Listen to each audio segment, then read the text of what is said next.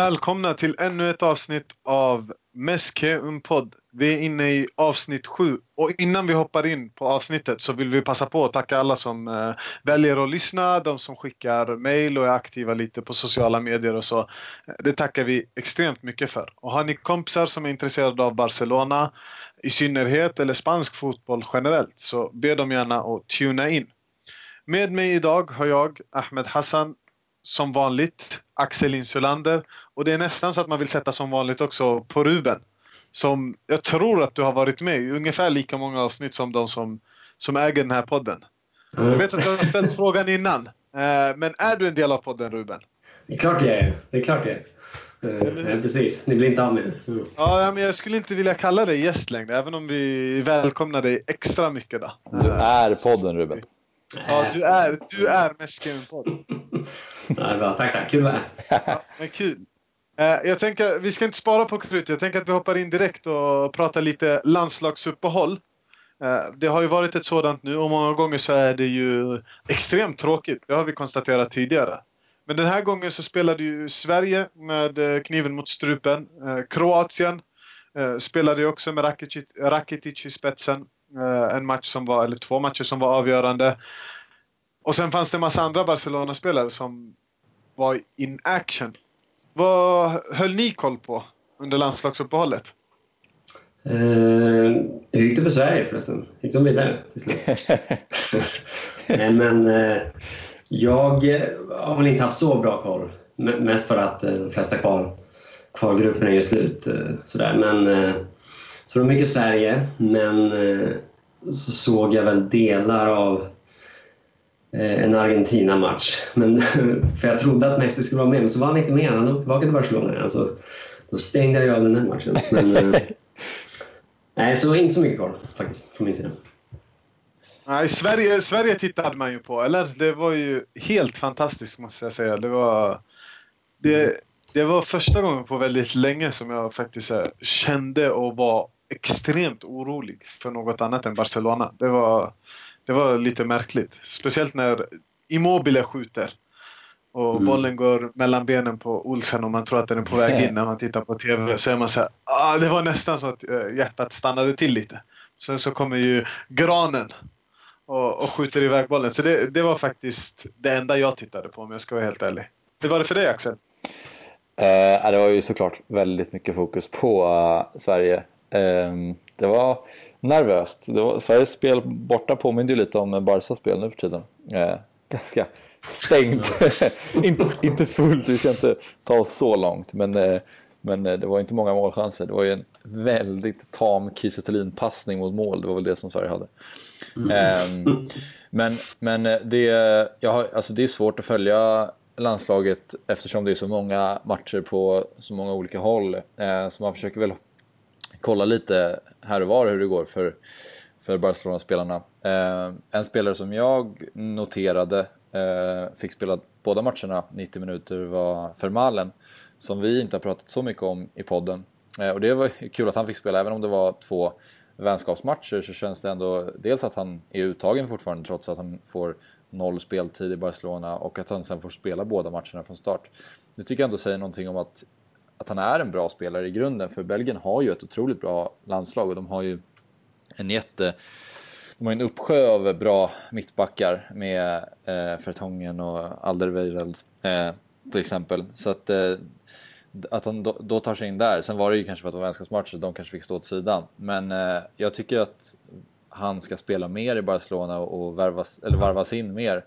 Sen håller jag väl honom eftersom han inte får spela så mycket och vi har inte sett honom så mycket i Barcelona så håller jag fortfarande inte honom över Piqué, Marciano eller Umtiti. Men eh, jag vill se mer av honom och jag kommer ihåg att jag såg väldigt mycket av honom i Arsenal när han spelade i Premier League och, och jag var alltid imponerad av honom och han hade ju smeknamnet mm. The Verminator för att han var, han, han krigade, han var ju kap, kapten och han var otroligt omtyckt. Alltså hans resa från att ha varit en kapten i ett topplag i Premier League till att eh, liksom vara verkligen i frysboxen i, i Barcelona känns inte helt naturligt. Jag tycker att han åtminstone ska få, få spela några ligamatcher mot, mot sämre motstånd.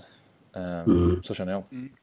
Och det, det är också, det finns ju han var bra i Arsenal tycker jag också. Och, och så där. Det finns ju något offensiva spelare, att de inte lyckas i Barca. Det finns ju någon, någon sorts eh, rim och reson i det, att de inte får spela första fjol och därför blir sämre. Och, du vet, Alex, Alexis Sanchez-syndromet liksom. Men det finns ju även en hel drös defensiva spelare som inte heller har fungerat i Barca. Och den, det är lite svårare kan jag tycka att kartlägga varför. Typ Alex Song och... Det, det, det är klart att man... Det går ju att peka på de tekniska egenskaperna men... Eller det, jag, jag kan inte, Ja, betongfoten.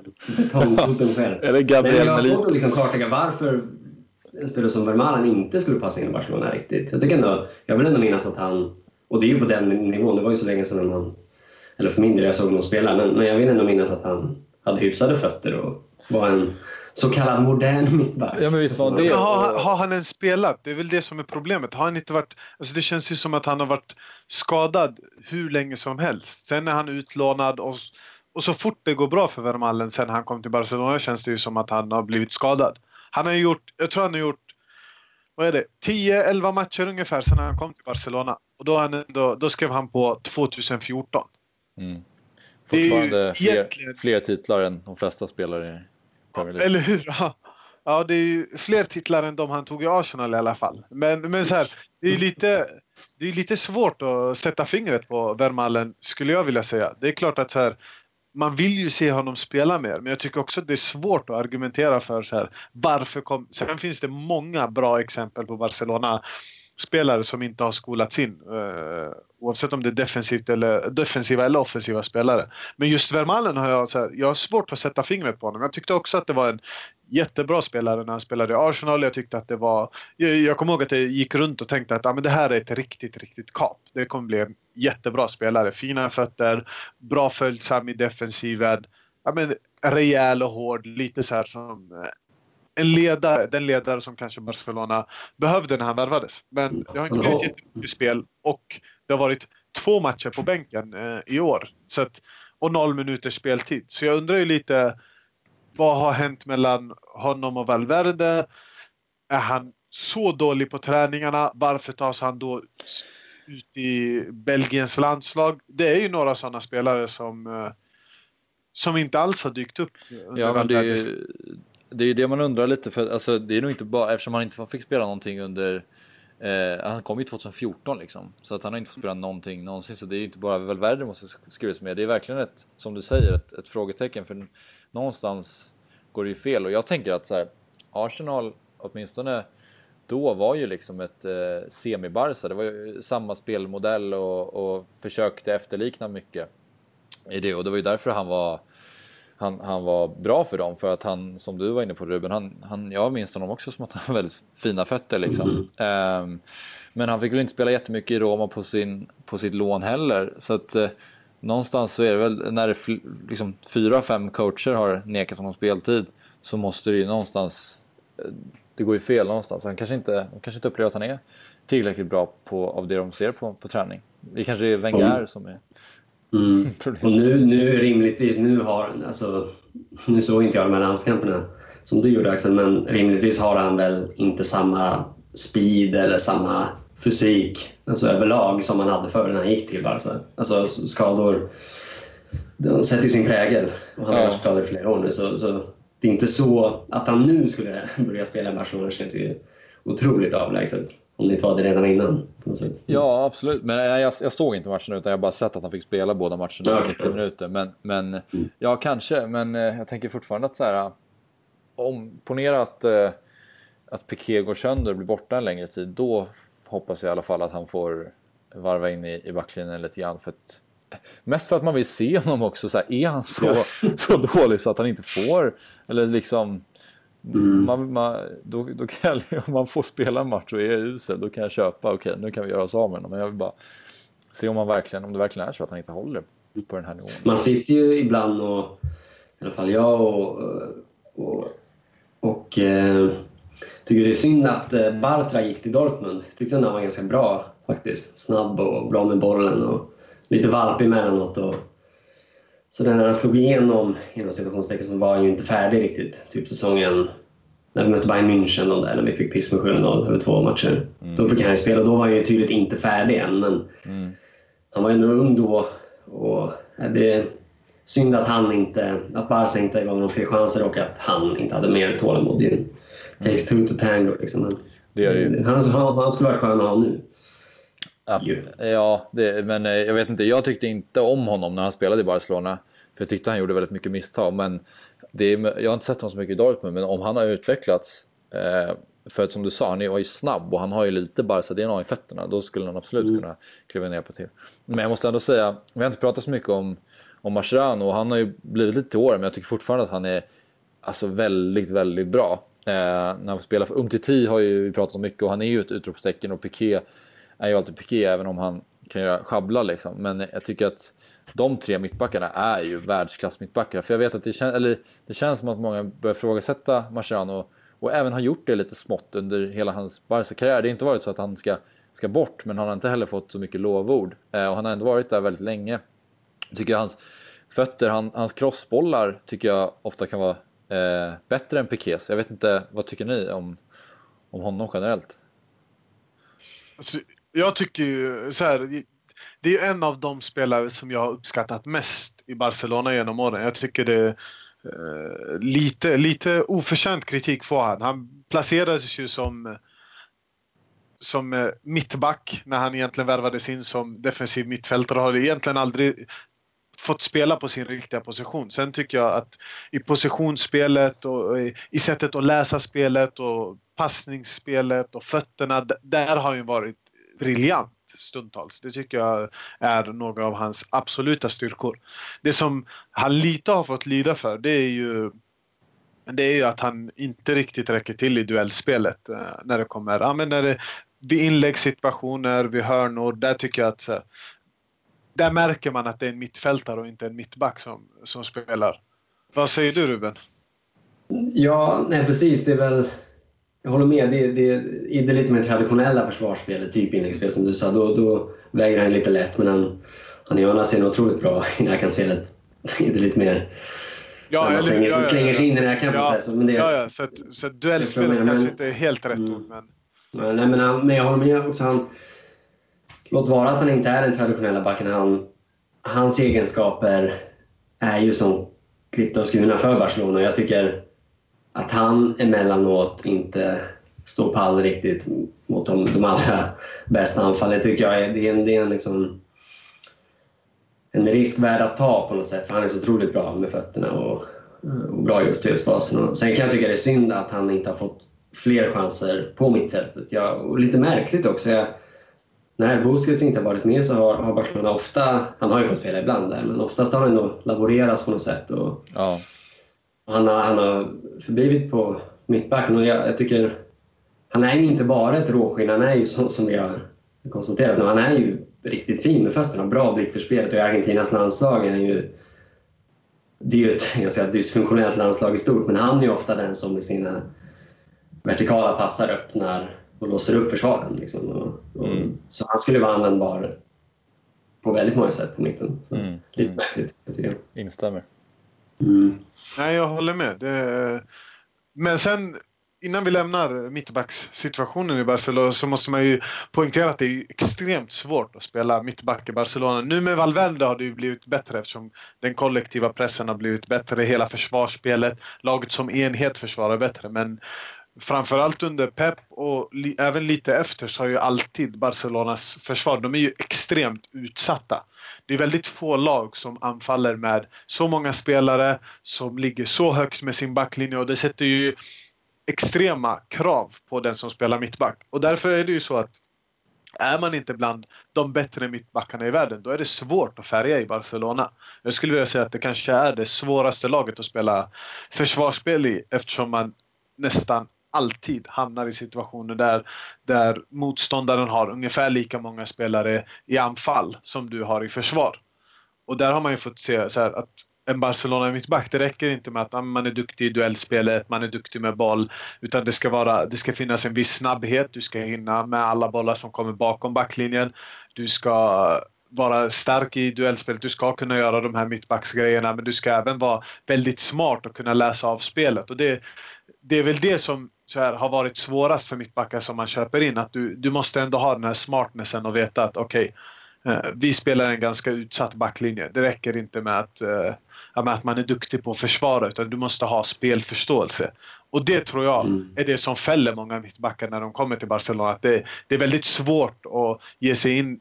Har man fostrats i en miljö där man försvarar tillsammans och där du försvarar på ett visst sätt och så kommer du till Barcelona där det är ja, men anfall är bästa försvar och flytta upp allting och så har du dessutom bredvid dig en Piqué som lite då och då när han bestämmer sig för det springer upp och viftar lite överallt.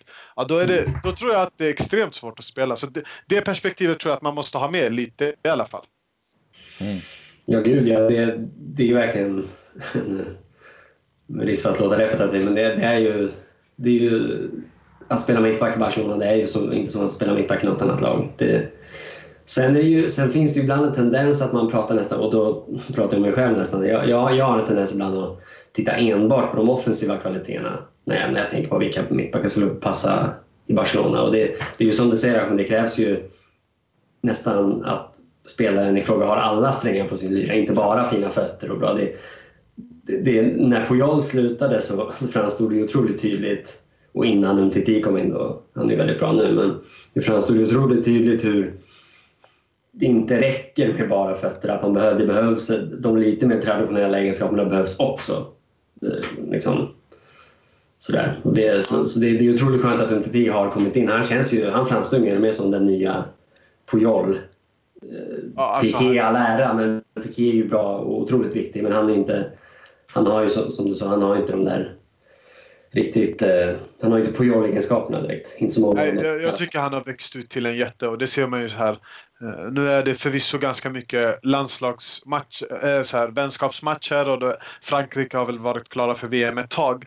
Men man ser ändå att även där så tar han ju en tröja och Frankrike kanske är ju kanske det lag som har bredast trupp. Sen vet jag att det inte är på mittbacksfronten som de är absolut bäst. Men han, ändå, han går ändå före Koscielny nu som har eh, haft en väldigt stor roll i det franska landslaget och det finns ändå ett par, två, tre mittbackar till som, som definitivt hade kunnat vara med och konkurrera. Men där verkar det som att MTT har uh, tagit plats så det tycker jag uh, är en av de absolut bästa värvningarna vi har gjort i, i modern tid. Skulle jag mm. redan nu vilja säga mm. poängtera.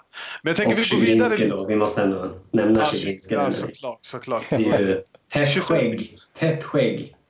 ja.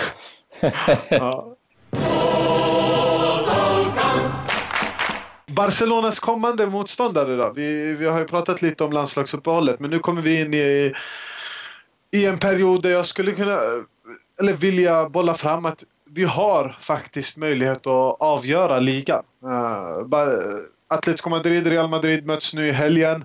Eh, det är redan åtta poängs försprång. Det lag som förlorar där, om Barcelona fortsätter att vinna, blir ett ganska stort försprång. 11 poäng skulle jag vilja säga är lite jobbigt uh, att ta igen. Barcelona möter även Valencia ganska snart och om inte allt för lång tid så är det även ett eh, El Clasico. Så jag tänker att vi pratar lite om kommande motståndare. Om vi börjar lite med Leganes och Valencia som, som väntar i ligan härnäst. Vad, vad tror ni om utfallet och hur tror ni att eh, vi kommer ligga till inför mötet med Real Madrid? Eh, ja, det är, det är svårt att säga om, men jag, det, det finns väl en, en sorts gnagande känsla i att, att, det har vi pratat om innan, att att Barcelona inte är så bra som säsongsindelningens utfall riktigt. Och det, så jag tror, om man får lite eh, pessimistisk, så, så, tror jag väl att det, det är väl dags sett till Barcelonas lag och form, och, eller egentliga form då, eller egentliga kvalitet, att, det, det är dags att det ska börja tappas lite poäng. Och jag tror väl att jag har svårt att tro att vi går och vinner mot Valencia på Mestalla med tanke på deras form och sådär. Och jag, jag, kräver nästan inte det, heller det. Jag, där är jag nöjd med ett poäng. Leganes ska vi såklart vinna, även om de är en svår nöt att knäcka eh, sett till deras säsongsinledning. Men... Är de verkligen en nöt att knäcka? Nu... Ja, alltså... Lite kaxigt. Nej, men, men, eh, Nej, det låter lite väl ödmjukt faktiskt. Det, där förväntar jag ja, nej, Kanske inte. Sen, sen, eh, sen, är det såklart, det kan ju fortfarande hända saker. Eh, det har man eh, sett tidigare med tidigare Barcelona-upplagor så har vi sett att det inte alltid har blivit så att vi, vi tar hem de matcher som vi ska ta hem. Så att jag håller absolut med om att det, man ska ändå respektera sin motståndare. Men där eh, känner jag nästan mm. att mot Leganes ska vi inte förvänta oss en seger där.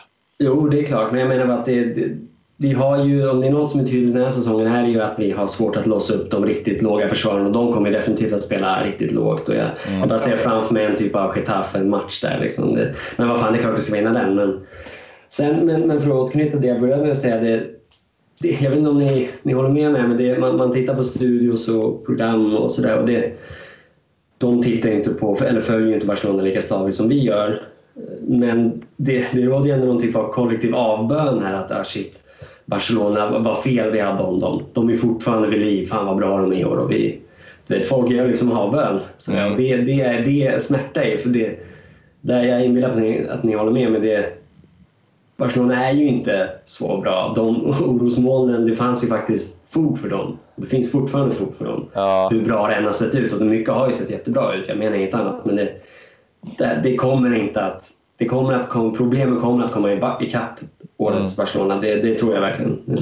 Ja, det, så är det ju. Det känns ju lite som en bubbla som kan spricka. Mm. Sen så tycker jag också att de här all kritik eh, som riktades innan att, så här, att Barcelona inte skulle heller vara att de var verkligen så djupt ner på, på dekis. Liksom. Jag tycker att eh, aldrig att... Alltså det har varit så, sån otrolig krisstämpel inför säsongen. Främst när Real Madrid slog Barcelona i Supercupmötet över, över två matcher. Och visst, det såg ju mm. inte bra ut, men jag kände inte heller att så här, det, på, på många så lät det som att oj, nu är, det, nu är storhetstiden över. Barca håller på att tappa sin, eh, sin liksom stjärnstatus. Det finns ju så, alltså, så, så länge man har ett Messi i laget känns det som att vi kommer fortfarande vara med i mm. toppen. Men, men jag håller verkligen med om att vi, är ju, vi känns inte så bra som tabellen visar än, eh, tyvärr. Men eh, ja, det är mycket tack vare att så här, vi har spelat bättre defensivt, men vi har ju faktiskt inte spelat magnifikt defensivt. Ter har ju varit eh, bra. Mm. Och sen så har vi ju haft, det som har varit nästan mest fascinerande är ju att det är inte bara så att, eh, att, att det är en eh, småsaker som har, eller att vi har spelat dåligt och att vi har haft lite tur, utan vi har ju också haft en Suarez ur form. Vi har haft, det första som händer är att Dembélé går och skadar sig. Så allting mm. har ju talat emot Barcelona och ändå så, så har vi tio vinster och en oavgjort ligan och, och inga förluster.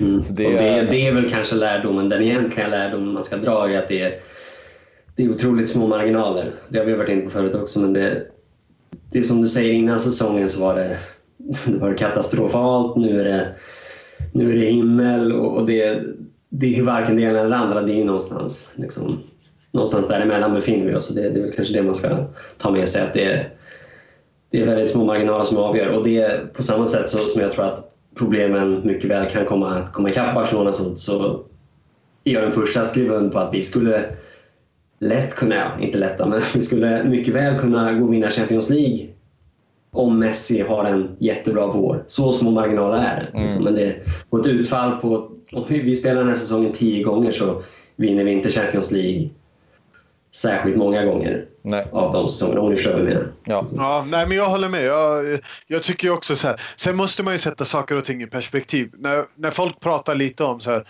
Barcelona kommer vara dåliga, då är det ju... Men Barcelona kommer inte vara med och tävla om, eller hota Real Madrid i ligatoppen. Och det Även om jag inför säsongen var väldigt pessimistisk och inte riktigt kände att vi var nära Real Madrid. Och ska jag vara helt ärlig så känner jag fortfarande inte att vi är det. Jag tror fortfarande och är ganska övertygad om att Real Madrid kommer ta sig för kragen och, och kanske till och med springa hem ligan även om det är ett ganska stort avstånd. Även, och så vill man ju definitivt inte det. Men jag, jag, tror, jag tror fortfarande att Real Madrid ska gälla som favoriter. Ja, okay. Jag vet inte. Jag tycker den pendeln har svängt över nu, men jag tycker, för jag tycker också av det jag sett av Real så tycker jag inte att de har varit eh, särskilt bra. De ser ganska mätta ut och de har ju också, vi har Suarez i form, men de har ju också Cristiano och Benzema eh, ur form. Bale är skadad. De lever ju på att Asensio ska vara bra nu. Liksom. Så jag... jag vet, men är det inte lite Real Madrid under Zidans eh, signum lite? Att Zidans manna blir lite bättre under eh under vårsäsongen. De har inte tappat allt för mycket. Nu är det ju så. Förlorar man mot Atletico Madrid och inte vinner ett, klassi ett El Clasico, eller det första klassikot, ja men då, då kanske nästan man kan börja prata om att ja, men nu har Real tappat greppet. Men innan det så känner jag fortfarande att det är så mycket kvar av säsongen. Det är så många matcher som ska spelas att, eh, att jag kan inte se eh, det lagbygge som vi har idag som favoriter. Eh, det, det har jag faktiskt lite svårt att göra. Sen är det smärta det att säga. Eh, det gör det definitivt, men det är liksom den analys som jag drog inför säsongen och den är jag inte helt beredd att ändra nu. För, för som ni säger så tycker jag inte att det har sett så bra ut som resultaten är. Däremot vill jag tillägga att vi är extremt stabila och det har aldrig det har aldrig riktigt känts som att vi ska förlora matcherna heller. Eh, men vi kanske inte har varit välförtjänta av att vinna alla som vi har vunnit. Ja, för om man jämför med eh, förra säsongen, då kunde ju Barcelona...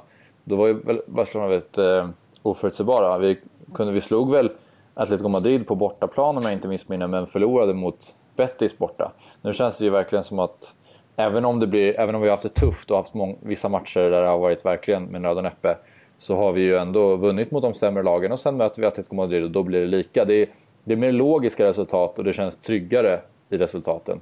Eh, så på så sätt känns det bättre och som du säger Ahmed, också stabilare. Mm. Och det är, det är också, jämfört med förra säsongen tycker jag det ser otroligt mycket bättre ut. Inte bara utfallet på matcherna men också var, var i planen problemen existerar. Jag menar, det är långt mycket mer problematiskt att inte kontrollera mittfältet alls som det såg ut förra säsongen än, än dagens problem där vi kanske har det är lite brist på kreativ genombrottsförmåga. Det är ju, får man välja mellan de problemen så väljer man ju årets, den här säsongens problem 100 dagar Alla dagar i veckan, eller hur? Ja, och det, för det är ju med, inte bara var det så otroligt eh, var Barcelona så otroligt eh, svårlästa i negativ bemärkelse. Det, var ju, det rimmar ju inte heller med... Årets Barcelona rimmar ju mycket mer med det Barcelona står för och ska fortsätta stå för eh, än förra årets Barcelona. Det hade ju faktiskt, pendeln hade ju gått pendeln hade ju slagit över lite för långt med Enrique. Det är vi ju överens om, tror jag. Mm. Ja, det har vi nog diskuterat mm. både ett par, två och tre gånger. Eh, vi har ju även eh, Juventus som väntar i Champions League. Lite av en avgörande match. Barcelona passade ju på eh, i första mötet att skaffa sig ett ganska bra försprång. 3-0 har vi med oss.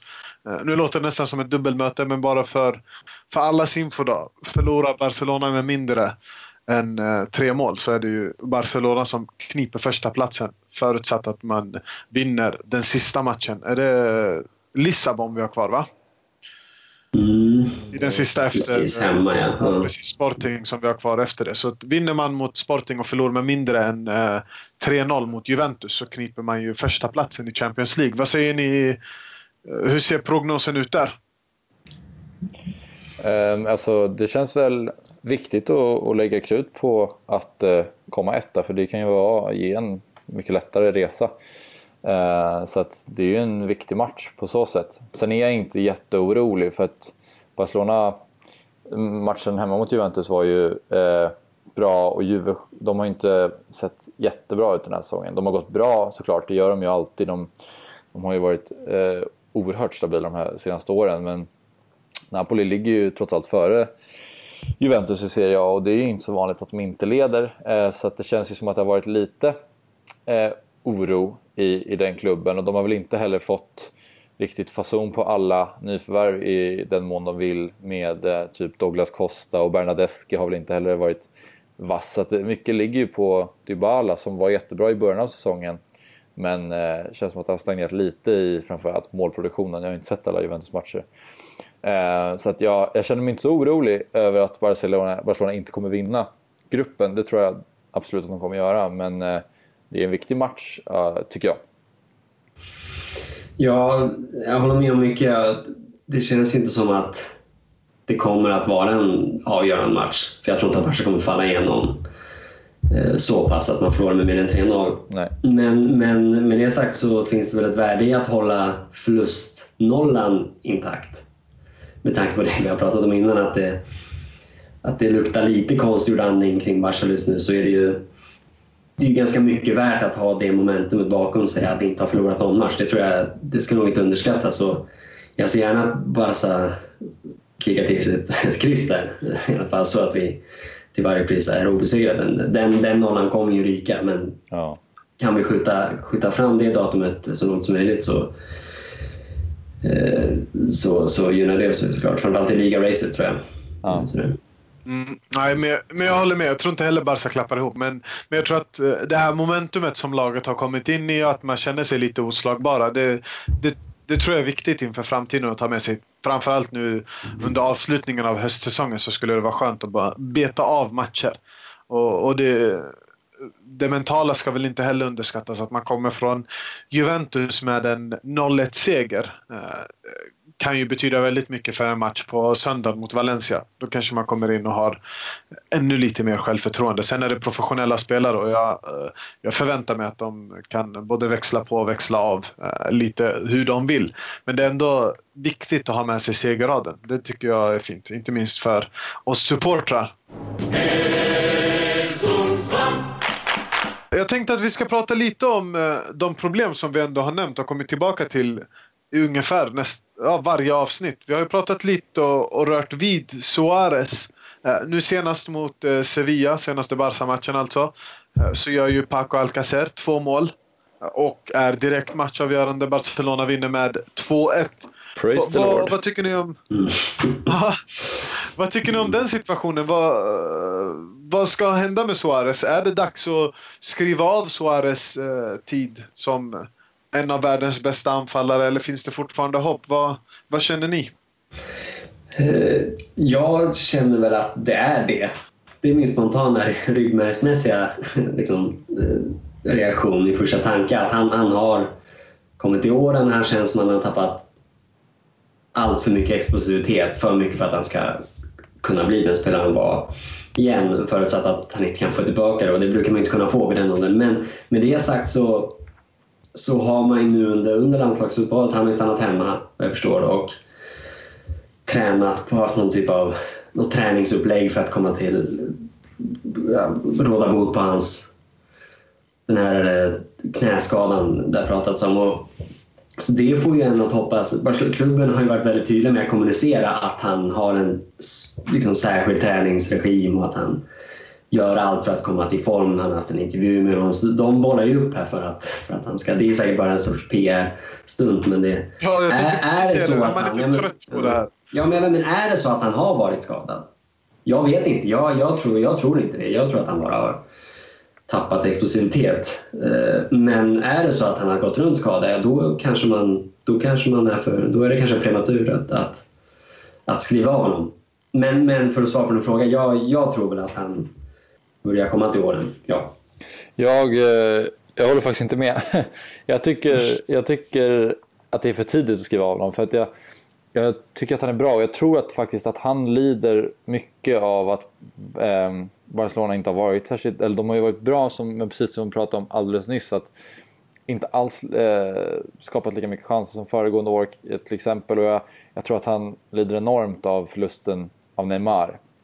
Neymar låste ju upp väldigt mycket för eh, Suarez och eh, Messi och de tre samverkade ju otroligt så det skapades ju så mycket fler chanser. Och jag läste den där, eh, Emily eh, la upp en intervju på, på Svenska fansidan eh, med Suarez som var jätteintressant att läsa där han fick bemöta den här eh, dippen han har. Och han skriver ju att självförtroendet går ju ner som anfallare när man inte gör mål och det, det är svårt men det gäller bara att ta sig ur det. Och jag tror verkligen att när han väl gör det eh, så tror jag att det, det, det, kommer lossna mer och mer. Jag tror att när Dembélé sen blir frisk igen och, och spelmässigt så, så hoppas jag att det kan lösa sig. Sen så tror jag att han har blivit sämre och det håller jag verkligen med dig om Ruben, att han är ju äldre nu och eh, vet inte riktigt hur det ligger till med den här skadan men, men eh, jag tror att han har i alla fall något eller eh, kanske två år eh, kvar på, på hög nivå. Hoppas jag, men eh, det vore deppigt om det inte var så.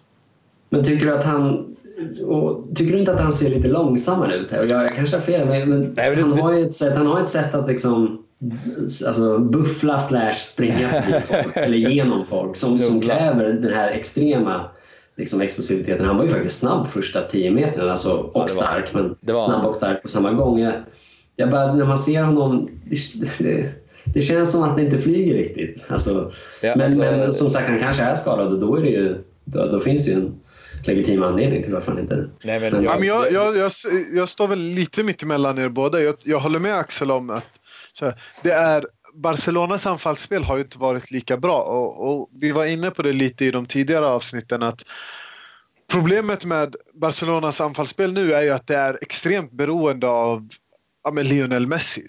Sen har vi genom åren alltid förlitat oss ganska mycket på Lionel Messi men vi har saknat ganska mycket genombrottskraft. Det är Iniesta som har stuckit upp lite då och då men det är väldigt få som luckrar upp försvarsspelet. Det leder ju också till att Suarez hamnar i ytor och fickor som han kanske inte vanligtvis hamnar i. Han får bollen lite högre upp. Det förväntas att han ska gå förbi en, två spelare och där har han, inte i Barcelona i alla fall, varit särskilt vass. Så att han har ju hamnat lite fel också. Han, har, han ska vara någon som ska skapa någonting och det tycker jag inte. Suarez ska, ska vara våran killer. Han ska dra isär försvaret, han ska springa i djupled, han ska få bollen och behöva två, tre, kanske en touch och sen ska det vara mål. Och jag tror att han har hamnat lite, lite längre bort ifrån mål än vad han har gjort tidigare år. Sen håller jag med Ruben i att jag tycker inte att det är samma glöd eller, eller samma, även om han alltid har haft en ganska risig touch. Jag tycker han har varit helt okej okay, eh, när han var som bäst. Så känns det ju som att ja, men touchen har blivit lite sämre. Rörelsen, ja, men lite sämre där också. Så här, man börjar ju se att han kommer till åren. Däremot är jag inte heller helt redo att skriva av honom. Jag, jag, tycker att det har visat sig genom åren att han, han är en man för de stora matcherna. Att han kliver fram när, när man spelar mot Real Madrid eller han kliver fram när det är Champions League mot PSG. Så att fortfarande så sitter man ju och hoppas på att det finns att det finns mer att hämta och mer att kräma ut. I alla fall hela den här säsongen. Eh, vad, Nej, vad säger ni då? Det har ju ändå blossat upp en liten diskussion, eller det kanske det gör i media där man inte pratar eller tittar jättemycket på Barcelona. Men vad säger ni om eh, diskussionen Suarez-Alcacer? Ska Alcacer nu, har han spelat till sig en chans eller, eller är det bara trams? Eh, jag ska bara säga först att jag, jag håller, vi har ju pratat om det förut Ruben, men jag håller med dig om att han har, han har eh, han ser mycket, mycket långsammare ut. Eh, absolut, mm. jag tänker bara att han, jag tror fortfarande att han är så, sån boxspelare och hans, hans första touch på inlägg och liksom, ja, avslutslägena har inte varit bra den här säsongen men jag tror fortfarande att Nej, det... jag tror det har att göra med självförtroendet. Eh, och det, när det kommer tillbaka så tror jag också att han kommer göra fler mål. Men sen så här, det beror på vad man kräver. Om man vill ha en, en eh, central forward som också kan, som du säger Ahmed, liksom låsa upp i fler situationer som man har kunnat göra förut, ja, då, då kanske inte han är rätt längre. Men eh, apropå Paco så eh, Nej, jag tycker inte att han har... Jag tycker fortfarande att Suarez ska starta alla lägen. Eh, även om han har varit kass. Det är inte bara det att han har missat chanser. Han har ju, han har ju tappat typ samtliga bollar. Han har ju, eh, ibland varit mer skadlig än, än gjort gott. Men eh, jag tycker fortfarande inte riktigt att... Alltså Paco kan få starta då och då. Men eh, jag håller Suarez fortfarande som att han ska starta majoriteten av matcherna. Ja, alltså jag håller med helt och hållet. Jag, låt vara att han är en bra avslutare, att han gjorde två mål och säkert kan göra en hel del mål. Alla Henke Larsson liksom. Men, mm. Fan, det var taskigt mot Henke. Henke var mycket eh, Men jag tycker liksom... Jag tycker... Eh, jag tycker jag tycker verkligen inte att, att Paco är tillräckligt bra. Inte för att han är en dålig avslutare, men för att han är så otroligt ospetsig. Och är det något vi behöver nu så är det ju kreativitet och några spetsiga spelare. Jag, jag tycker... Det, det, låter ju så motsägelsefullt eftersom han har visat sig från sin bästa sida på sistone men jag tycker nu är det viktigare än någonsin att vi vågar bänka Paco. alltså, ja, nej, men jag, alltså, det blir så extremt eh, ospetsigt med Paco på planen. Då är det ju verkligen bara Messi när Dembélé är skadad. Och då är det ju bara Messi och, Eller hur? Och, det... och Deulofeo som, som har någon typ av X-faktor. Och det, det kommer inte flyga när, när Barcelona möter lägre försvar det, kom, det, kan, det går om Messi har en sån här superdag, vilket han ofta har, men det kommer inte att flyga annars. Det, och Iniesta, lägg till att Iniesta ofta är skadad. Och det, då, då, det, sen med det sagt tycker jag inte att det är vår, lite som du var inne på tidigare, jag tycker inte att det är inte upp till Barcelonas nummer nio nödvändigtvis att låsa upp de låga försvaren. Men det krävs åtminstone någon som, någon som är tillräckligt snabb eller som kan faktiskt, som du var inne på Ahmed, slita isär försvaren utan boll. Och inte ens där tycker jag att Paco är något. Han är inte särskilt snabb eller stark. Och med bollen ska vi inte ens prata om. Sådär, nu låter jag raljant här, men, men, lite så tycker jag.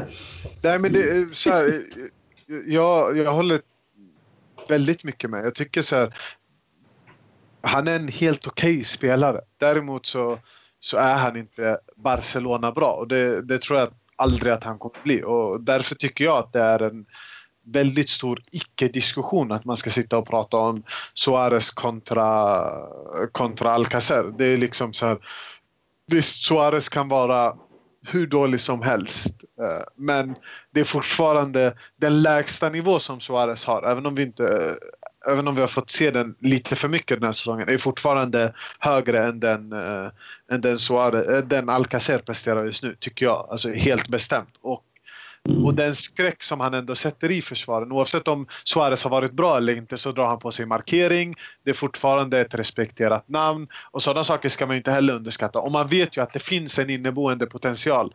Äh, är Suarez med i en match så, så kan man ändå aldrig avskriva honom oavsett hur dålig han har varit tidigare. Så att, eh, så att jag tycker ändå att man ska ta det lugnt. Däremot så tycker jag att det skulle vara en intressant diskussion att sitta och bolla med er om redan idag. Det är ju, ska Barcelona redan nu ersätta Suarez? Ska man köpa in en ersättare i januari? Finns det någon som ni tänker på om vi glömmer januari-perspektivet till sommaren? Vem, vem vill ni ha in istället för Suarez om vi ändå är överens om att han sjunger på sin sista vers? Usch, ja, det är svårt. Alltså, jag tänker bara vad, vad en traditionell nia i Barcelona behöver. Det är ju det är någon som kan, som jag pratade om, slit, som var väldigt offervillig vad gäller djupledsspelet utan boll. Någon som kan hela tiden stöta och ställa, ställa frågor, som man brukar säga, eh, till, till försvaret utan boll.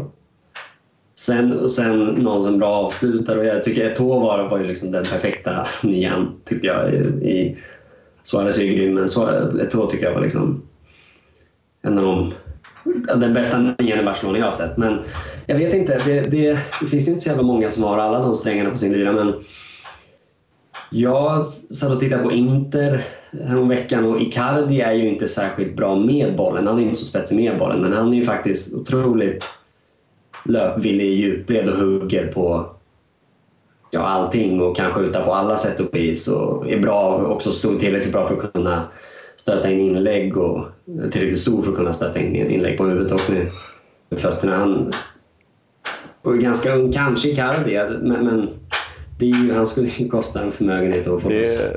Men det är det enda namnet jag kommer på på rak arm. Så här. Ja, det är ju en, det är en bristvara med klassiska nummer 9 eh, just nu. Men jag, jag vet inte, jag tycker inte om Icardi som spelare. Jag tycker att han är jag tror inte att han skulle passa Barcelona så väl, men jag håller verkligen med. Just nu så känns det som att han tillför mer än Suarez i typ det djupledsspelet som du pratar om, Ruben, eftersom Suarez känns så trög. Mm. Men annars så, jag tycker att eh, Romelu Lukaku skulle kunna vara någonting för Barcelona.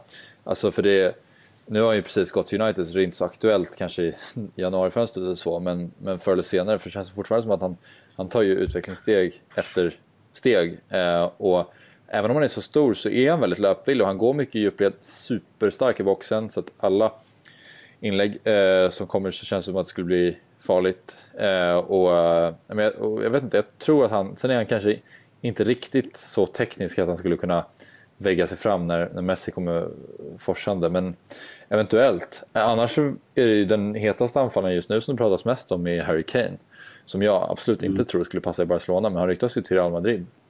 Ja, nej, jag tror inte han skulle passa. Så jag, nej, jag, tänkte, jag håller med dig om... Jag, jag tänkte på...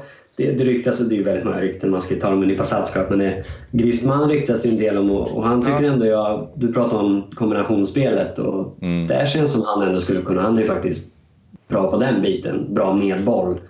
Eh, till skillnad från Icardi till exempel. Men det är väl lite det där att vi, det, lite frågetecken kring hur många mål han gör, Griezmann. Han är ju inte riktigt en traditionell nia helt enkelt. Och ja. jag, ser inte, jag, jag, ser inte riktigt som att...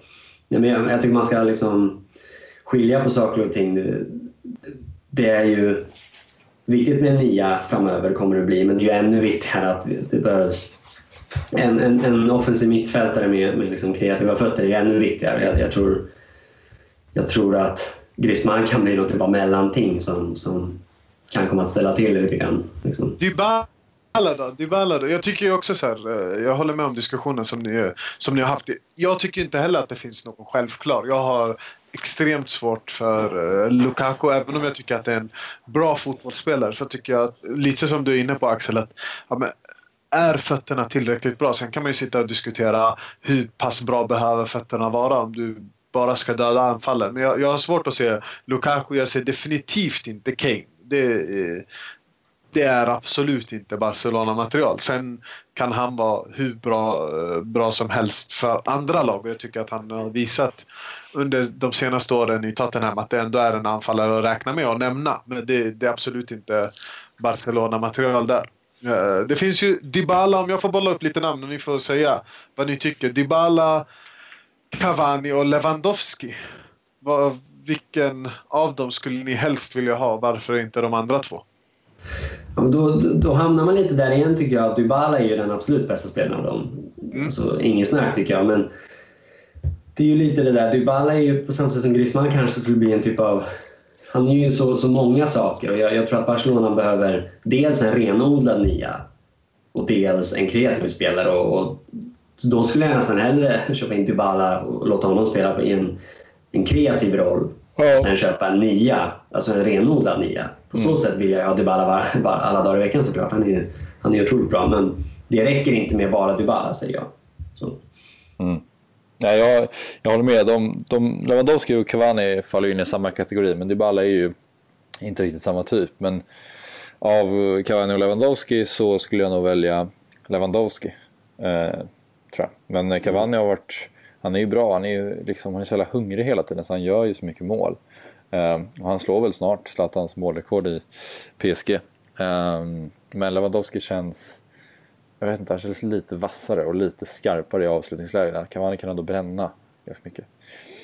Men är det, det känns som, jag håller med dig men att det behövs en traditionell nia ändå för att ha, så att vi har den egenskapen också. För det, det kan bli lite spetslöst om man bara har fina fötter men ingen som har den avslutsviljan, den mentaliteten längst fram.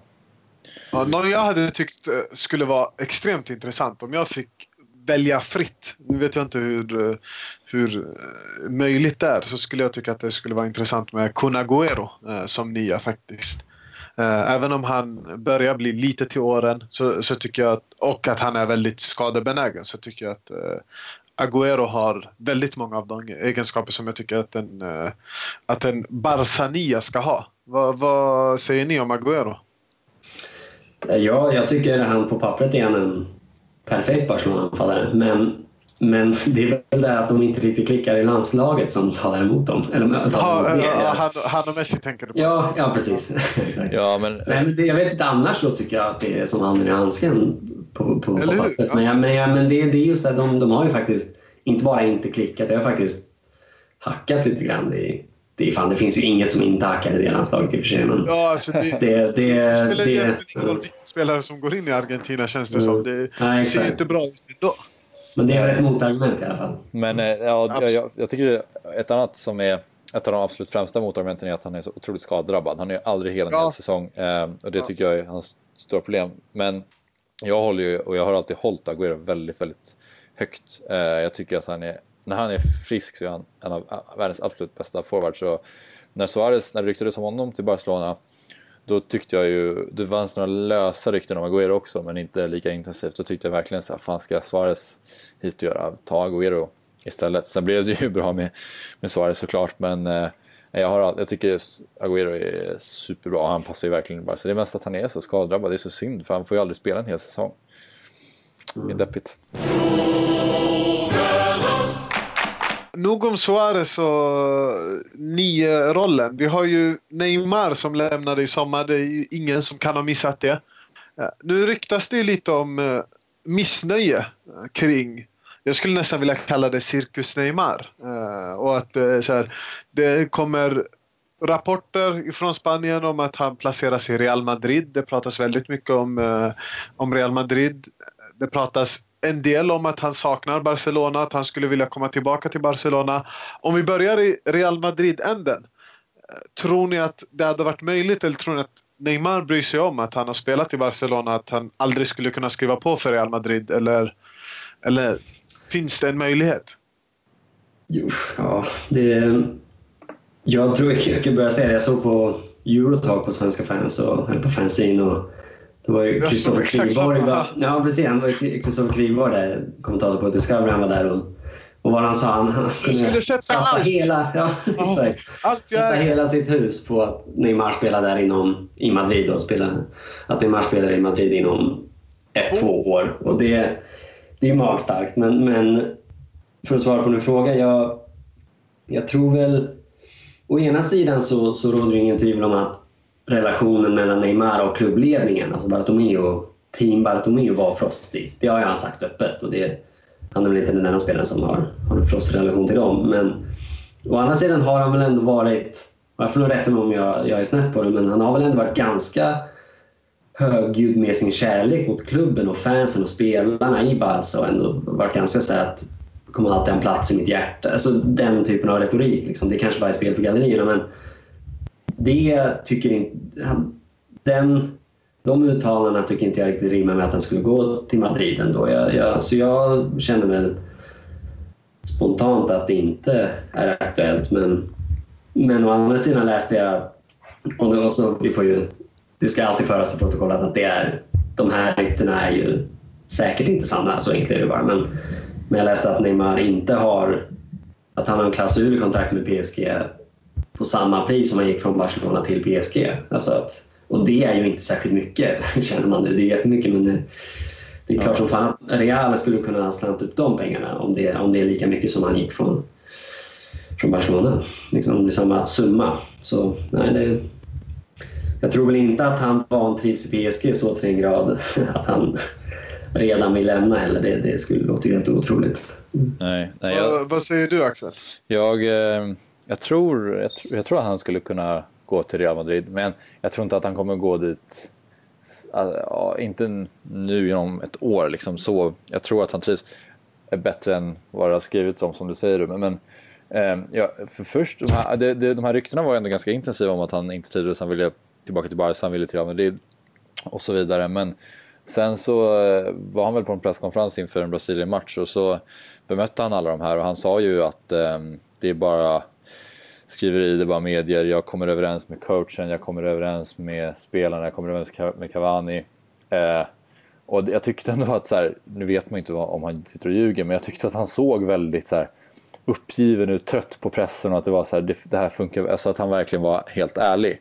Eh, och när jag såg den så kände jag bara så här, okej, okay, men det finns inte så mycket i det här. Eh, men man vet ju aldrig. Men jag tror, ja, som du säger Ruben, så har han ju alltid varit ganska öppen med att han verkligen, han tycker inte om mm. ledningen men han älskar ju, han verkar ju älska Messi och Suarez och övriga spelare och han gillar fansen och allt annat kring klubben. Trots det så tror jag ändå att det är så här, Neymar, han, han, han, han visar respekt men han bryr sig inte så mycket. Jag tror ändå att han skulle kunna gå till Real. För det är så här, ja, han vill vinna titlar, han får pengar, han vill han får lira med Ronaldo. Det är så här, jag tror att det finns mycket som, och han kan ha kul med Marcelo typ. Jag vet inte, det känns som att han skulle faktiskt kunna gå dit trots att han gillar Barcelona. Mm. Och ärligt talat känns det ju, alltså det skulle ju inte, det skulle vara en infekterad sak att göra, en, en, en kontroversiell flytt. Men jag känner, en del av mig känner att man fan gå dit. Liksom. Ja faktiskt, jag håller med. Det skulle, alltså, dramaturgiskt skulle det bli en ganska cool grej och inte lika lika stor grej som när typ Figo gick. Det är, liksom, det är inte på den nivån alls såklart. Nej. Så, så jag känner lite, att fan gå dit så... Ja, man, man har ju redan tröttnat på honom efter att han gick till PSG. Liksom. Ja. Så då är det ja. så här, då, men det är inte så att man skulle sakna, bara veta för att man är, den ilskan har redan kommit ut efter PSG-flytten. Liksom. Mm. Mm. Nej, men romantiken i mig säger ju att här, han är, har en bra relation med Messi, har fortfarande en bra relation med, eh, eller försöker hålla en bra relation med fansen han har inte fått, även om det, det var en liten kritikstorm lite i början när han stack så, så är det ändå ganska många fans som har förstått varför han lämnade. Lite, så de har ändå lyckats svartmåla ledningen. Så att romantiken i mig säger ju att han, han inte kommer göra det. Däremot när man tittar så här, realisten i mig eller konspirator, eh, den som konspirerar i mig säger ju att, eh, att PSG bara var ett mellansteg. Eh, Neymar vill åt Ballon d'Or. Neymar vill vara världens bästa spelare. Neymar vill vara Brasiliens största affischnamn och det kan han säkert vara i PSG också. Men det går inte att komma ifrån att i Sydamerika så är det två klubbar i Europa som finns och det är Real Madrid och det är Barcelona. Det är liksom, det är en sydamerikansk pojkes dröm när de väljer fotbollslag. Och därför tror jag ju att Neymar kommer att hamna i Real. Förr eller senare så, så spelar han för Real Madrid. Och till skillnad från er så hoppas jag ju verkligen att han aldrig skriver på. Inte för att jag skulle bry mig så mycket om att men, före detta Barcelona-spelaren Neymar gick till, Barcelona, äh, till Real Madrid. Utan för att han är en så otroligt bra fotbollsspelare när han vill. Jag tror att det handlar om rätt tränare så kommer Neymar få ut så mycket av sitt fotbollskunnande.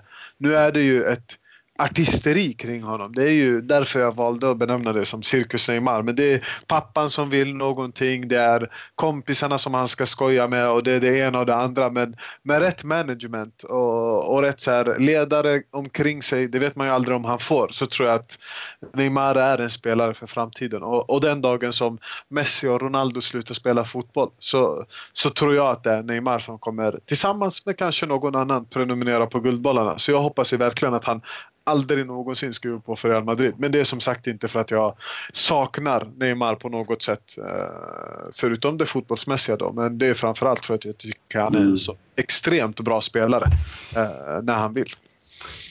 Mm, är han inte lite för gammal för att... För att jag håller med om att han, det finns en otrolig inneboende liksom, potential i honom. Han är ju den med den, det, det bästa råämnet i världen utöver Messi. Och ja, Kanske, kanske inte Ronaldo i och för sig. Jag tycker Neymar är bättre än Ronaldo. också. Ja, precis. Zigrinski ska vi inte ens... Han, han är ju... Ja, eller Arda Turan. En egen kategori. Ja, Arda Turan. Otroligt. Nej, men, ja, men han är väl lite för gammal för att... Det är mycket sådär... Ja, vem, vem tar över efter Messi och Ronaldo? Det är väl... Ponera att Messi spelar så länge som man hoppas att han, spelar, att han ska spela. Eller är så bra så länge som man hoppas att han ska vara bra. Och då, då, då är ju Neymar närmare 30 liksom. Ja, över 30 säkert när, när Messi lägger ner det. Nu tar i trä nu, men, men liksom, mm. förhoppningsvis så hinner inte Neymar eh, prenumerera på de där guldbollarna för att Messi kommer göra det så jävla länge. Ja, nej, men det är ju ett scenario man kan hoppas på. Innan vi stänger Neymar-gate så, så tänker jag att vi bara lite snabbt. Eh, vill, om han vill komma tillbaka till Barcelona och ponera att han vill göra det. Vad, vad är era tankar kring det? Vill ni ha tillbaka Neymar? Uh, det är svår fråga. Nej, alltså, jag tror inte att... Nej, det, det, jag tror i och för sig inte att det skulle vara ur ett, fan, ur ett supporterperspektiv att, att, att han har bränt alla broar. Det tror jag inte, men jag tror inte att det, det skulle... Det skulle vara fel det skulle vara fel väg för Barcelona att gå i stort tror jag. Alltså det finns så mycket som behöver rättas till i klubben på något sätt det, behövs en, det kommer att behövas generationsväxling. Det kommer behövas, ska man vara, kunna vara lojal mot sin spelstil så behövs det en sorts återgång till att köpa rätt typ av spelare, att, att producera rätt typ av spelare. Och det, det, svaret på de frågorna är ju inte att köpa tillbaka Neymar, hur bra han än är. Så, så jag säger väl nej av den anledningen. Axel? Jag tänkte säga ja, eh, mest för att man, man glömmer snabbt och det finns ju många exempel på spelare som har eh, blivit liksom jättehatade och sen kommer de och så gör de massa mål igen så, de, så tänker ingen på att det var kaos nyss. Men eh, det som du sa Ruben är, är väldigt, väldigt sant och det har du helt rätt i. Så att jag skulle nog också säga nej efter det för det känns som ett steg tillbaka. Det känns som att vi kan inte vara så pass beroende av, av honom utan vi måste kunna dels producera egna spelare men också kunna gå vidare och och hitta andra om det är en spelare som uppenbarligen inte vill vara i klubben. Så nej. Nej, men jag, jag avskriver också det. Eh, ett så tycker jag att han har visat att han inte riktigt pallade trycket. Eh, det, det tycker jag är solklart efter första sessionen att ja, ledningen var kanske inte den bästa. Det, det var säkert en massa saker som, som inte, eh, och fortfarande som inte går helt rätt till. Men eh, Messi är kvar, Iniesta är kvar, Suarez är kvar och alla andra spelare är kvar. Den, den enda som valde att springa iväg var, eh, var Neymar och, och någonstans där drar jag slutsatsen av att han inte riktigt pallade trycket. Sen, sen tror jag inte på de här uh, love stories att man ska förenas igen och är lite inne på det spåret som, som ni pratar om. att så här, har man lämnat en gång, ska vi då gå tillbaka och omfamna med öppna armar efter en, efter en tra transfersommar utan dess like. Där, där det har varit mycket smutskastning, det har varit mycket kampanjer, det har varit mycket snack och sen bara så här, nej men nu, nu är allting förlåtet, välkommen tillbaka. Det tycker jag inte. Sen hoppas jag verkligen att, uh, att han på något sätt kanske hamnar i city hos, uh, hos Pep Guardiola. Så att man, för jag tror att det är en tränare som skulle kunna få ut så mycket av Neymar. Uh, mm. För hans egen skull. Men annars är det så här, jag har inte jättemycket till övers för Neymar. Jag tycker det är en extremt bra fotbollsspelare. Men jag skulle inte vilja ha tillbaka uh, pappan som är agent och, och hela cirkusen med att ah, men nu ska jag ha ledigt här och nu ska jag spela där. Och, och en spelare som kanske varierar lite för mycket i prestation. Uh, så jag säger också nej tack till Neymar. Som om det är vi som får, vi får, vi som får välja. Va? Det är intressant med, med Neymar, förlåt nu. Ja, nej, slutet. bara bollar upp en sista grej. Du, du nämner det liksom hur hans session i Barca och sådär. Om man ska göra lite bokslut kring den så jag, jag, jag liksom finner att det, det råder lite olika lite delade med uppfattningar och meningar om Neymar och hur bra han egentligen var i Barca. Så det, det, han tog ju definitivt en hel massa kliv mot världstoppen det blev ju ingen Robinho av honom. Alltså det kan vi konstatera. Sådär. Så, så på så sätt så var det ju jättebra. Han kunde ju ha, det kunde ju ha runnit ut i sanden och han gick till historien som en brassetalang bara. Så, han har ju faktiskt blivit en av de bästa i världen. Men med det sagt så förväntningarna ganska snabbt var ju förväntningarna att han skulle ta det där sista klivet till att bli ja, men, definitivt topp tre. Kanske ännu bättre till och med. Det, det, där håller jag med dig att det, det gjorde han ju faktiskt tydligt inte. Alltså det är ju några enstaka perioder där när Messi var skadad för några år sedan. Han var, han var väldigt, då var han ju bäst. Liksom. PSG-matchen går inte av för rackor. Men, men utöver det så, så han var ju alltid ganska valpig och med jättehög högsta nivå och jättedominant i jättemånga aspekter av spelet. Men han, han gjorde ju aldrig mer än 20 mål på en säsong. Han, han, jag, jag, jag, jag bara håller med dig om att han, han, det tycker jag ska föras till protokollet, att han, han han blev faktiskt inte bäst i Barcelona.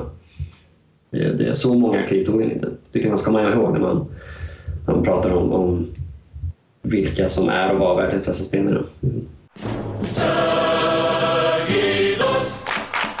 Jag tänker att vi ska runda av lite eh, med att prata lite transferrykten. Eh, det börjar närma sig januari. Eh, vi har ändå fått lite tid att bedöma spelarmaterialet. Det bollas ju upp lite namn beroende på vem som gör en bra prestation. Så säger man ju att den personen ryktas till Barcelona. Och senast i raden då är ju Christian Eriksen som har haft en fantastisk säsongsöppning i Tottenham.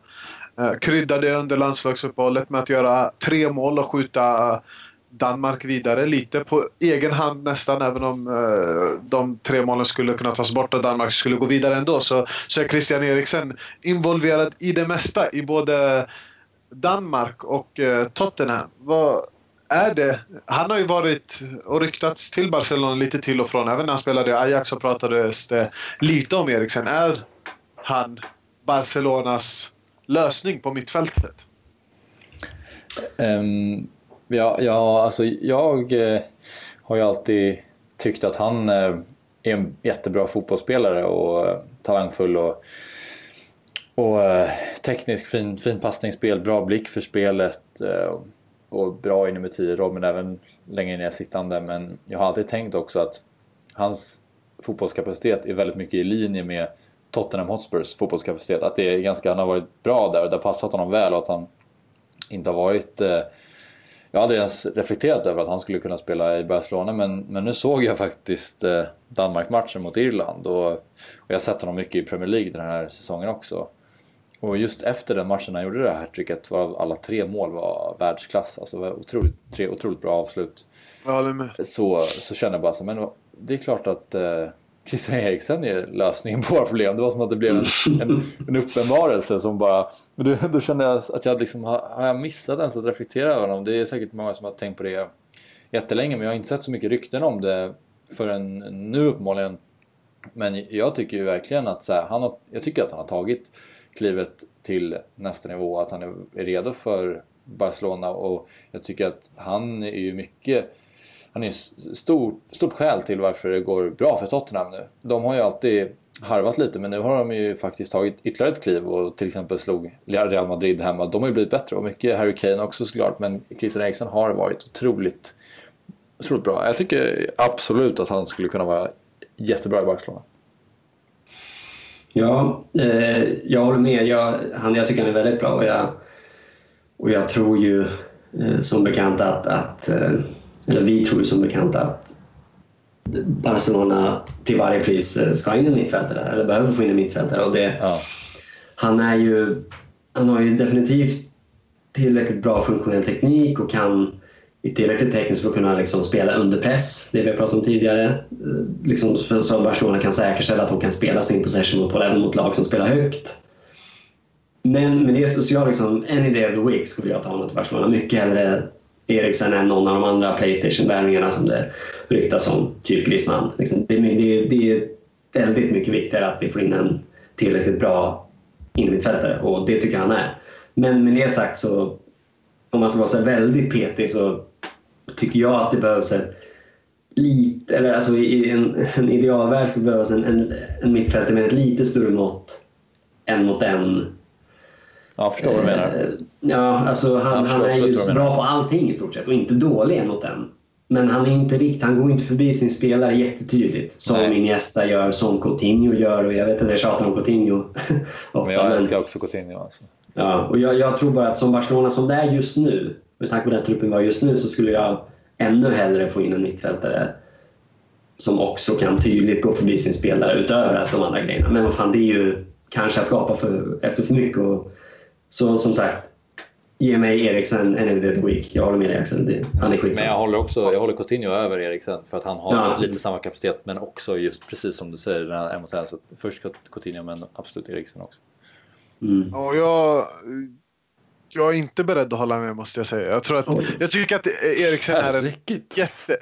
Jag tycker att han är en jätte, jättebra spelare. Det, det är det inget snack om. Men jag tror inte att han är tillräckligt bra för Barcelona utan jag köper den första bilden du hade av honom Axel att, att han är han är riktigt, riktigt bra. Men han är på också riktigt, riktigt bra för skiktet precis under Barcelona, Real Madrid eh, och Bayern München, Juventus. Ja, nu kanske är det Chelsea United som är de bästa. Chelsea City United kanske som är bäst i Premier League. Alltså de absolut bästa lagen så tycker jag att han är precis på nivån under. Jag, jag tycker att det saknas lite i det tekniska. Jag tycker att det saknas lite eh, i speluppfattningen. Sen har jag inte testat på testats på den absolut högsta nivån. Nu är det ju som ni säger, ja, Tottenham har faktiskt tagit klivet och blivit ett av Premier Leagues bästa lag. Men jag tycker fortfarande det, det är lite, lite för tidigt för, att säga, eller för mig att säga att han är tillräckligt bra för Barcelona. Jag vill ju istället bolla upp, eh, och det tror jag att ni båda kommer skriva under på. Men man vet ju att det kanske aldrig kommer hända och det är Thiago som, eh, som för mig är, eh, så han är Barcelona. Men det känns han, väldigt realistiskt eller? Ja, det tror jag kan gå. Ja, Ja, alltså jag, nu på senare dagar läser man ju till sig att, att, ja, att, att ändå, hans namn börjar rulla upp igen. Men, men oj vilken bra värvning jag hade tyckt att det skulle vara. Det, jag, tycker, jag, håller, jag håller Christian Eriksson högre än Thiago faktiskt. Jag tycker Thiago är bra men jag tycker Christian Eriksson är... Han är, jag, håller, är, jag håller Thiago högre än både Coutinho och... Eh, oj, oj, oj! Ja, det, det, det, jag, jag tycker eh, Thiago är är helt magisk. Sen är han ju skadad ganska mycket. Han, eh, så här, han blandar och ger kanske men oj vilken högsta nivå den killen har. Det, ja, jag, jag är kär i Thiago. Sen kanske det, det är romantiken i mig men jag tycker att eh, Thiago, Verratti det, det, det är de namn som jag tycker är absolut längst upp på min, på min önskelista. Mm. Sen har Verratti inte varit lika bra liksom, mm. som, som tidigare. Men uh, Thiago och Verratti, det, de hade jag tagit alla dagar i veckan. Sen tycker jag, men även om jag inte har sett honom jättemycket så tycker jag att Leon Goretzka Uh, verkar väldigt intressant. Men där får man återkomma lite längre fram. Jag har bestämt mig för att titta lite närmare på honom. För jag tycker att de få stunder som jag har sett så har jag sett väldigt mycket bra. Mm. Ja, det är intressant med Thiago. Vi, vi pratade om honom för, förra avsnittet. Ja, förra avsnittet. Vi pratade i och för sig om, om, om Thiago när han var i Barcelona och mycket har hänt sedan dess. Men, men jag, jag är väl benägen att hålla med Axel där. Jag, jag, jag håller Christian Eriksson lite högre jag håller Coutinho mycket högre än, än ja. Thiago. Sen tycker jag, alltså, Thiago har ju en Barcelona-koppling och, och är också en, en rätt typ av mittfältare att få in. Alltså, det finns ju... Han, han skulle ju, precis som de andra två, alla de tre skulle ju gå in i Barcelona och lösa, till, till viss del lösa den problematik som finns. Men, men jag, jag tycker att Coutinho... Det är väl också det är just det här med dynamiken. Mycket, det händer ju på så kort tid. Säg till exempel att Dembélé går in och tar några kliv och blir en världsstjärna. Han blir den man hoppas att han ska bli och då har ju Barcelona plötsligt ett jättestort mått av genombrottskraft på kanten. Ja. Då är jag plötsligt lite mer då, då, då svänger jag lite grann och tänker att det kanske är bättre med en Verratti, Eriksen, Thiago-typ. Liksom. För, jag, för jag håller ändå Thiago som, han är väl något, någon hybrid, men jag, jag, han är väl inte heller riktigt sådär Ja, i och för sig kanske. Han kanske snarare är en nästa typ. Men, men då svänger jag lite i alla fall och tycker att ja, då kanske det är bäst att få in en, man får in en ren Verratti-typ, Xavi-typ liksom, som är otroligt bra på att snurra och, och, spela under, under press men som inte nödvändigtvis kan gå emot sin spelare. Då är det okej okay, tycker jag. Men inte förrän Dembélé tar de kliven är jag redo att skriva under på den planen. Liksom. Mm. Vad bra. Eh, jag tycker faktiskt, jag tror att vi nästan har pratat i eh, en timme i alla fall. Så att vi ska inte göra avsnittet för långt. Jag tycker att vi ska avrunda där om ni inte har eh, några avslutande ord som, som ni vill lägga till. Nej. Då tycker jag faktiskt att uh, vi passar på att tacka allihopa som, uh, som har valt att lyssna in. Uh, vi tackar dig Ruben som återigen ställer upp även om vi skojar om att du alltid är ett att du är med så tycker vi att det är helt fantastiskt och du kommer behandlas eh, som eh, du är vår absolut bästa gäst för att du alltid är med. Så att, eh, tack, så, tack så extremt mycket för, för att du ställer upp. Eh, tack till dig Axel. Ja. Som, eh, som hjälper till i allt eh, arbete innan och så också. Och, och framförallt tack till alla som har lyssnat. som vanligt så finns vi på sociala medier och man hittar alla våra kontaktuppgifter. På, Vill du äh, efterlysa Arda också? Eller? Ja, just det. Uh, vi pratade ju lite om honom, men uh, Arda Turan är ju fortfarande helt saknad. Och jag har faktiskt fått väldigt få bilder, uh, inga alls, från någon med vistelse på Arda Turan. Så att vet ni var Arda Turan är. Så skicka gärna in lite bilder på, på Arda så att man ser att han i alla fall mår bra och kanske kan sparka på en boll. Man börjar ju nu så här i november bli lite orolig för om han är kvar. Hans, familj, måste ju vara, hans familj måste ju vara otroligt uh, Ja, faktiskt. Ja, men det, det, är ju så här, om vi som fans oroas då, då kan jag tänka mig att de har många sömnlösa nätter. Nej, men eh, kontakta oss gärna på sociala medier. Skicka in era bilder, era frågor och så. Uh, jag vet att jag framförallt har varit ganska dålig på att svara så det ber jag om ursäkt för. Ska bli lite bättre. Uh, men kolla in uh, redaktionens hemsida så ser man där vilka kontaktuppgifter vi har och så. och återigen, stort tack. Och ja, nu tappade jag bort mig själv. Visca Barca! Ja, precis. Okej, okay, ja, men då säger vi så. Återigen ett stort tack och Visca El Barça. Ha det bra. Hej, hej. Barça! Barça!